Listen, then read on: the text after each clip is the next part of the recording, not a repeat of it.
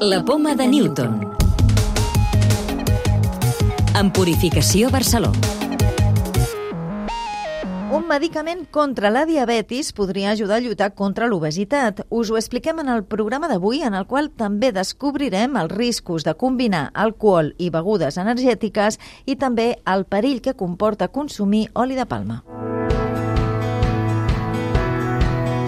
Una investigació de científics nord-americans ha demostrat que un medicament ja aprovat que s'utilitza en el tractament de la diabetis, la tirsepatida, ha aconseguit reduir fins a un 22% el pes de persones amb obesitat.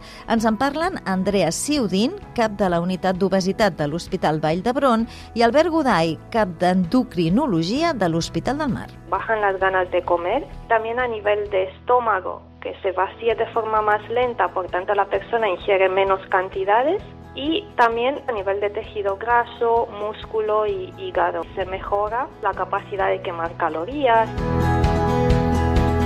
Efectos tendría pocos y tampoco tiene por qué ser un tratamiento para toda la vida. Una persona con índice masa corporal de 32 si toma el fármaco seis meses, puede perder tanto peso que dejará de tener obesidad.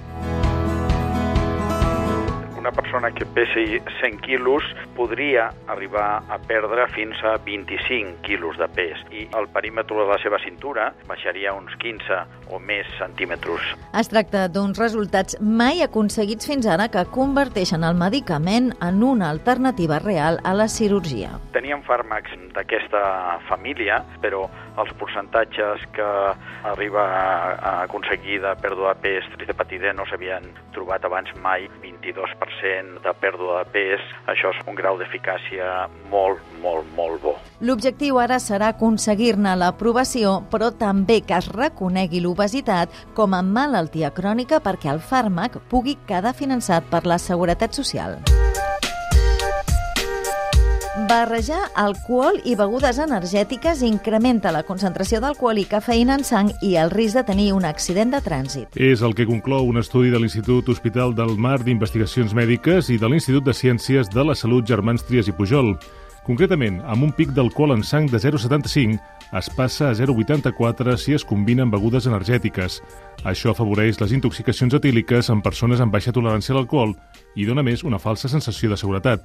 Rafael de la Torre és un dels responsables de la recerca. El més preocupant és que la gent pensa que el prendre aquest tipus de begudes facilita d'alguna forma la conducció i aquest és un concepte absolutament erroni. Resulta que al final tens més concentracions d'alcohol en sang quan prens la beguda aquesta energètica que no si no te l'haguessis pres. L'àcid palmític present a l'oli de palma no només fomenta la metàstasi del càncer, sinó que també incrementa l'agressivitat del tumor i n'accelera l'evolució. Són els resultats d'un estudi d'investigadors de l'Institut de Recerca Biomèdica finançat, entre d'altres, per la Marató de TV3 i Catalunya Ràdio.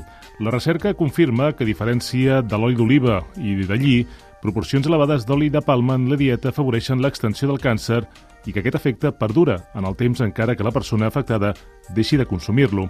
Salvador Aznar Beitá es el responsable de la investigación. Una vez que un tumor ha sido expuesto a niveles altos de palmítico, aunque uno rebaje esos niveles de palmítico, luego ya es demasiado tarde. O sea, el palmítico establece como una memoria en la célula metastática que hace que luego ya siempre se mantenga en un estado muy agresivo.